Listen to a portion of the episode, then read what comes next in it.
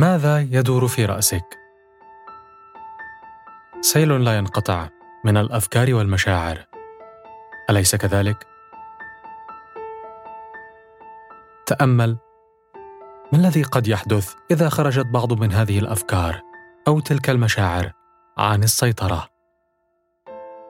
كان مهيمن علي فكرة إني ممسوسة بجن عيشه قنديشه إني لازم أروح للحفلات دي عشان أتخلص من الاثر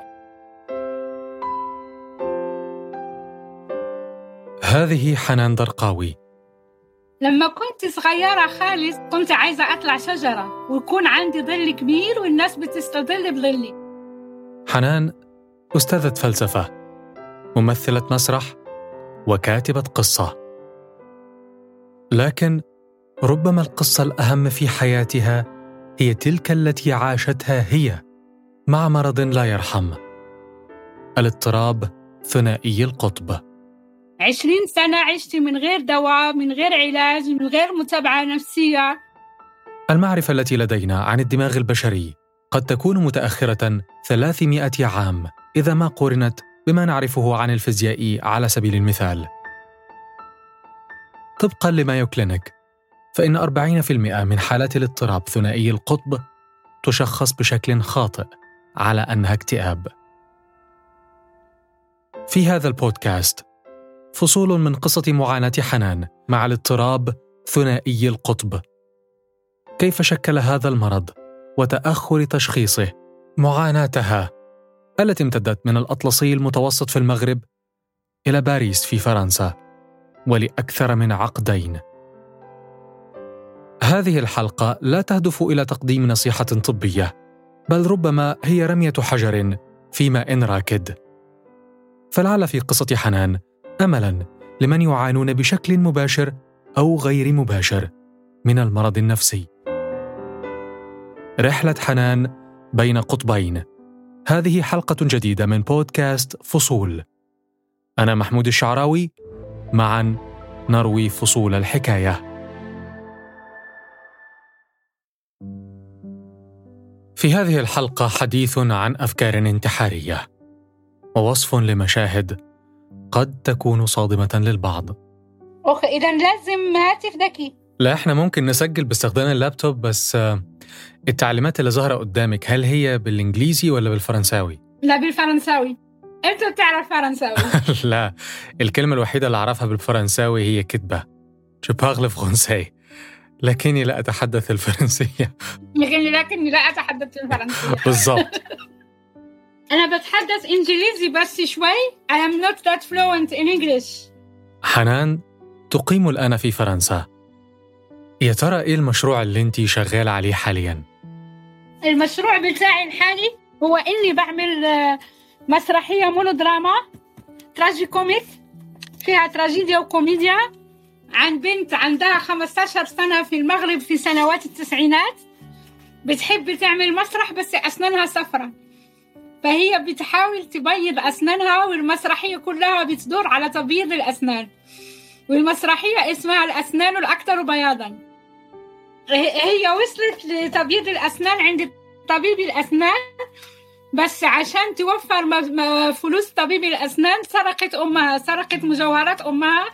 فأمها دعتها للبوليس وتمت محاكمتها ب 18 سنة سجن فتحولت إلى خادمة مثل أمها.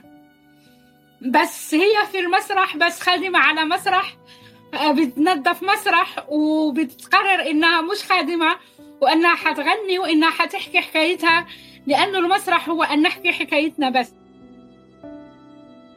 أما حكاية حنان فتبدأ من شمال المغرب.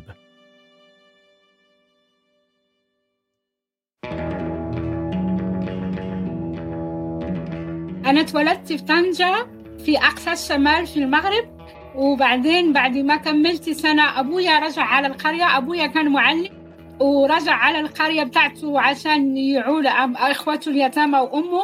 فتربينا في القرية خمس سنين. في التراث العربي الصحراء هي ذلك المكان الذي يرسل إليه الأطفال لينشأوا في بيئة بكر نقية تمنحهم صحة أفضل لكن قدر حنان.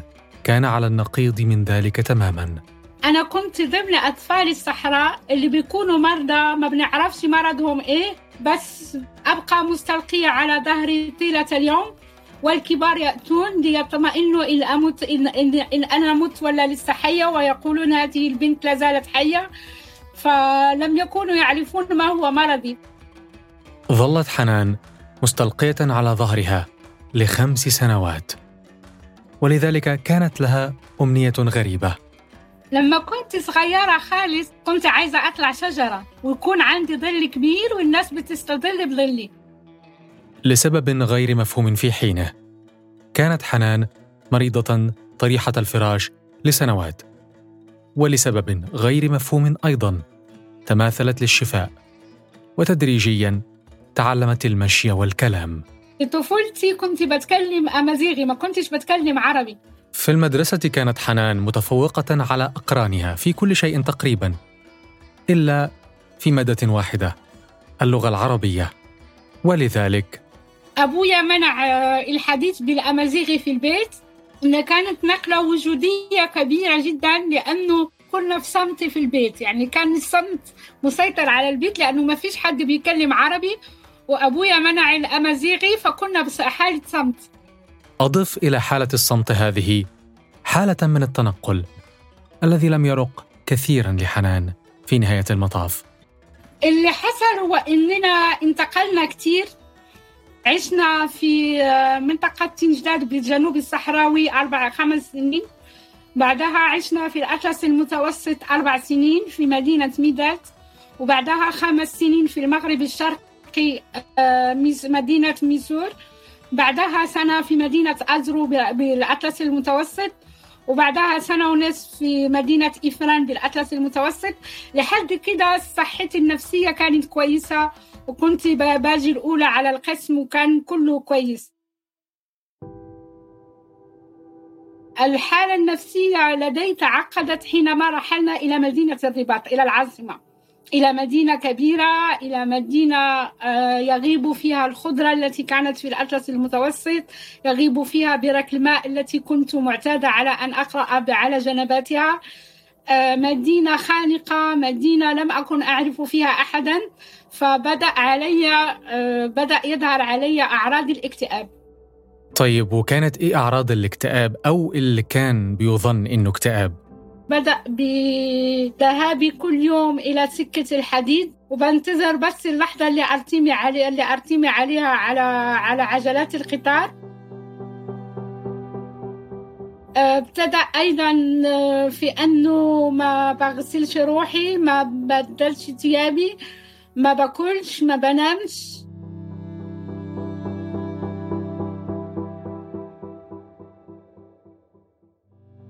تقول دراسة علمية إن 69% من مرضى ثنائي القطب يتم تشخيصهم بشكل خاطئ. وثلث المرضى لا يتم إعادة تشخيصهم بشكل سليم حتى بعد مرور عشر سنوات. ما فيش حد يتكلم معايا من الأصدقاء والأصدقاء كانوا بيبتعدوا عني بس أبويا بابا وداني لطبيب نفساني.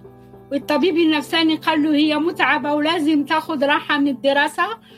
أبويا رفض تماما فكرة الراحة من الدراسة لأني كنت متفوقة وكان لازم أكمل ثانوية عامة. ما هي أسباب الاضطراب ثنائي القطب؟ في الحقيقة لا توجد أسباب مباشرة ولكن هناك ما يسمى بال predisposing factors العوامل المساعدة على الظهور. الجينات لها دور. التعرض لنوبات القلق والضغط العصبي لهما دور لكن لا شيء حاسم لا شيء مؤكد. الطبيب النفساني إداني دواء دواء مضاد للاكتئاب. والدواء المضاد للاكتئاب لما لشخص مصاب بال bipolar disorder بيؤدي للهوس. مضادات الاكتئاب ومضادات الذهان أيضا قد تسبب بعض الهلاوس إذا ما استخدمت في علاج الاضطراب ثنائي القطب. طبقا لبعض الأوراق العلمية. فأنا أخذت دواء الاكتئاب آه، ثلاث شهور بعدها كنت في حالة هوس وتعرفت على ولد آه، في قسمي كان آه، شاعر هو كان شاعر وكان من دور الصفيح. وعملنا علاقة وتم وطبعا بدون تربية جنسية واضحة المعالم في في وطن مثل المغرب بيؤدي إلى إلى المصائب. ف... فأنا حبلت منه خارج الزواج وأتت بنتي الأولى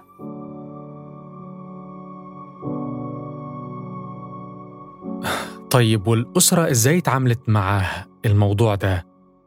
يعني كيف كانت علاقتك بيهم في الوقت ده بالتحديد؟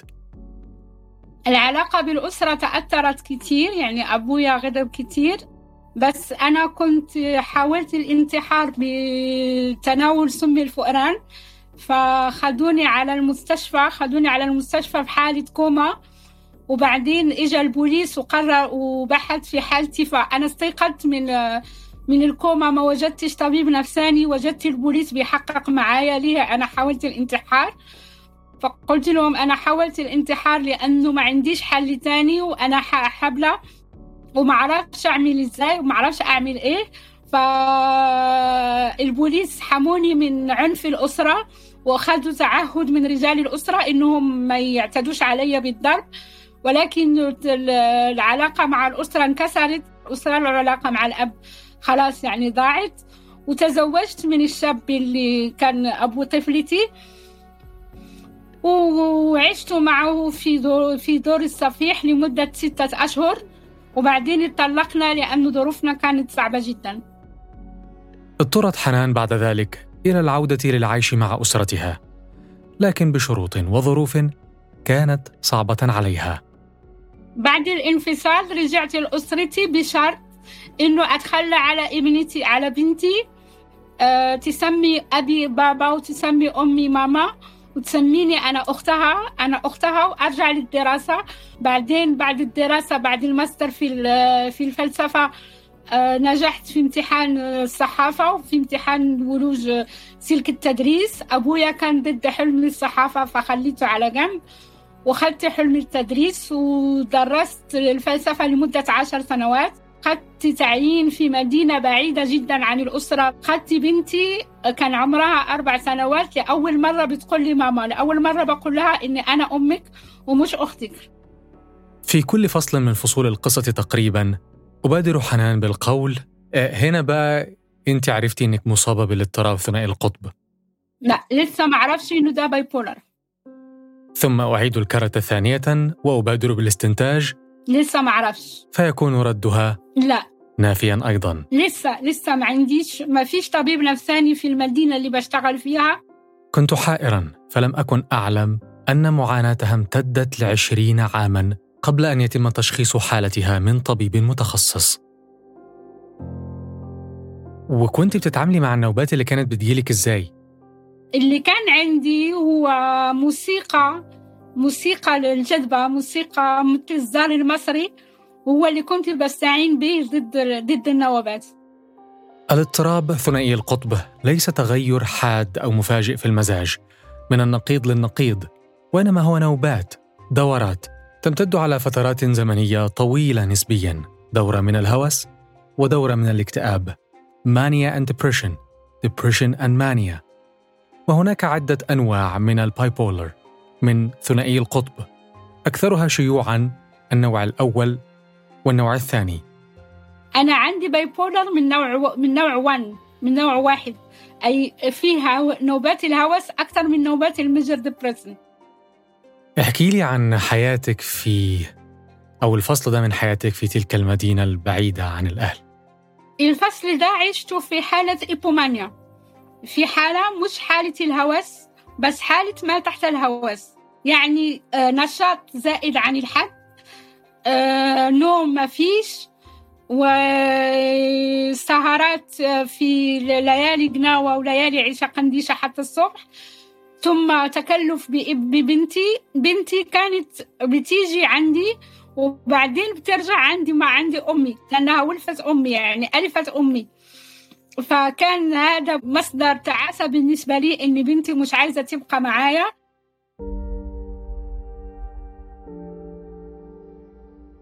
لنلقي نظرة سريعة على مسار حياة حنان إلى الآن. طفلة صحراء، مرض غامض، أب صارم بعض الشيء، لم تحب حياة المدينة لكن الاكتئاب ليس التشخيص السليم. إنها تعاني من الاضطراب ثنائي القطب. لكنها لا تعرف.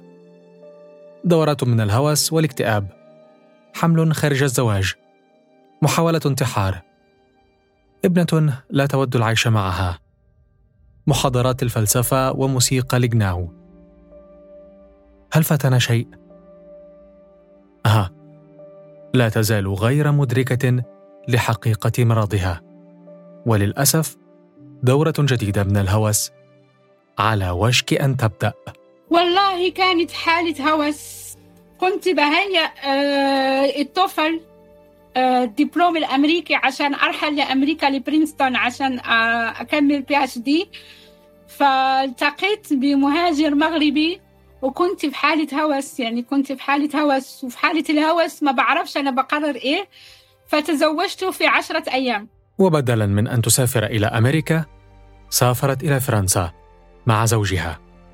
لكنها سرعان ما اكتشفت أنها اتخذت قرارا خاطئا. تدهورت حالتها أكثر وأكثر. لكن هذه المرة ذهبت إلى طبيب. فرحت المستشفى وأنا بعيط. وقال لي الطبيب أنت بيحدث لك حالات حالات اضطراب المزاج؟ قلت له آه بيحدث لي حالات اضطراب المزاج. قال لي انت عندك bipolar disorder قلت له انت متسرع في التشخيص. إلى أن أتى ذلك اليوم. اقتنعت بالتشخيص سنة بعد ذلك حينما أصبت بنوبة هوس. كانت نوبة نوبة خطيرة جدا كان ممكن أنتحر فيها كان ممكن أموت فيها. احكي لي عن اليوم ده. إيه اللي حصل فيه؟ ده حصل يوم 3 7 3 7 2009 كنت تعبانة جدا كنت متعبة يعني كانت فترة الهوس ضلت معي خمس خمس أسابيع. خمس أسابيع وأنا في هلوسات وفي هديانات وفي استقبالات وبيتي مفتوح ومسرح وسياسة وكله. وما بنامش وبكتب وعندي بنتي صغيرة لسه بنتي كان عندها خمس سنين. فكنت متعبة جدا وكان لازم أروح على المستشفى كان لازم أروح على المستشفى. كنت عارفة إني لازم أروح على المستشفى. بس انتظرت إنه بنتي تكمل حفلة تخرج الرقص الكلاسيكي اللي كانت بتعمله. فانتظرت الحفل بصبر. وفي الغد قالت لي ماما أنا بدي نعمل بيكنيك نعمل باربيكيو فقلت لها حاضر بنتي أنا كنت متعبة مش نايمة. رحت معاها على المنتزه لكي نعمل باربيكيو دورة الهوس بالنسبة لحنان. تعني حرمانا من النوم وقرارات خاطئة. ودورة الهوس تتبعها دورة اكتئاب. والاكتئاب يعني أفكارا انتحارية. جاتني فكرة أنتحر في في النهر. جاني جاتني فكرة أنتحر في النهر ملأت جيوبي بالحجارة مثل ما فعلت فيرجينيا وولف. ملأت جيوبي بالحجارة ودخلت للنهر عشان أنام. وكان في صوت بيجيني من النهر تعالي تنامي تعالي تنامي تعالي تنامي. كان في صوت بيجيني من وسط النهر وأنا ما بعرفش أعوم. بس بنتي من من اليابسة آه، صرخت وقالت لي ماما أنا عملتها على نفسي أمسح إزاي؟ فأنا رجعت عشان أمسح بنتي وقلت لها يلا حنعمل باربيكيو يلا يلا حنعمل باربيكيو خلاص ماما ماما ماما, ماما مش تعبانة حنعمل باربيكيو فأنا بشعل الباربيكيو خلاص سقطت على الأرض وكلمت امرأة كانت بت بتقوم بتجوال كلبها قلت لها اتصلي أرجوك بمستشفى الأمراض العقلية في في قلبي أنا لازم أروح على المستشفى فرحت على المستشفى.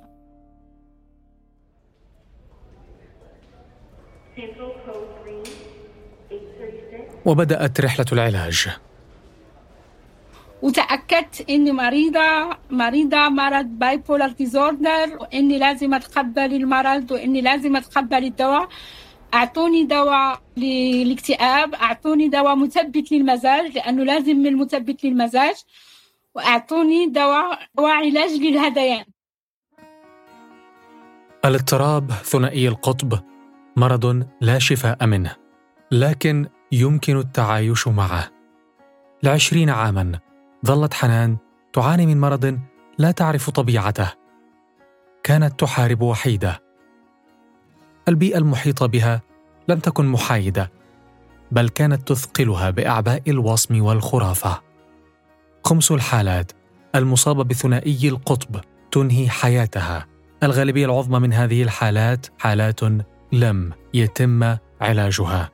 المخاطر كانت عالية بالنسبة لحنان. لكن مع كل هذا كانت هناك أشياء ساعدتها ولا تزال. دور الفلسفة. لو درست قانون كنت انتحرت. بس درست فلسفة. من من حسن حظي إني درست فلسفة. الحق والخير والجمال بشوفهم كقيم عليا. لازم المجتمع لازم الكل يعمل على على اكتسابها على اكتساب الخير والحق والجمال. وبفتكر فرانسوا تشانغ أعتقد فرانسوا تشانغ فيلسوف وشاعر آه، فرنسي آه، صيني بيقول إنه إذا كانت الموت بتدمرنا فإن فكرة الموت بتحيينا. التأمل أيضا من الأشياء التي ساعدت حنان وتخصص له مكانا. ثابتا في حياتها اليومية. أنا بعمل تأمل بودي منذ سنوات فردي وجماعي. وفي الجماعي مع نهاية الفصلة مع نهاية الوصلة بنقوم بإهداء التأمل إلى الجميع إلى جميع الأفراد لكي يتحرروا من الخوف ومن الموت ومن العجز إلى غيره. فأنا بدعي لكل الج... للجميع حتى اللي أساءوا إلي بدعي لهم إنهم ي... يكونوا بخير. تعودت من خلال التأمل إنه أهدي التأمل إلى كل الأشخاص. إلى الآن ليس هناك علاج نهائي للاضطراب ثنائي القطب لكن حتما توجد طرق للتعايش معه. حنان وجدت بعضا منها. التأمل المسرح الكتابة الموسيقى الفلسفة والمسامحة. كلها كانت لحنان البيت الآمن في رحلة شاقة ومرهقة بين قطبين. أنا محمود الشعراوي دمت في صحة واطمئنان.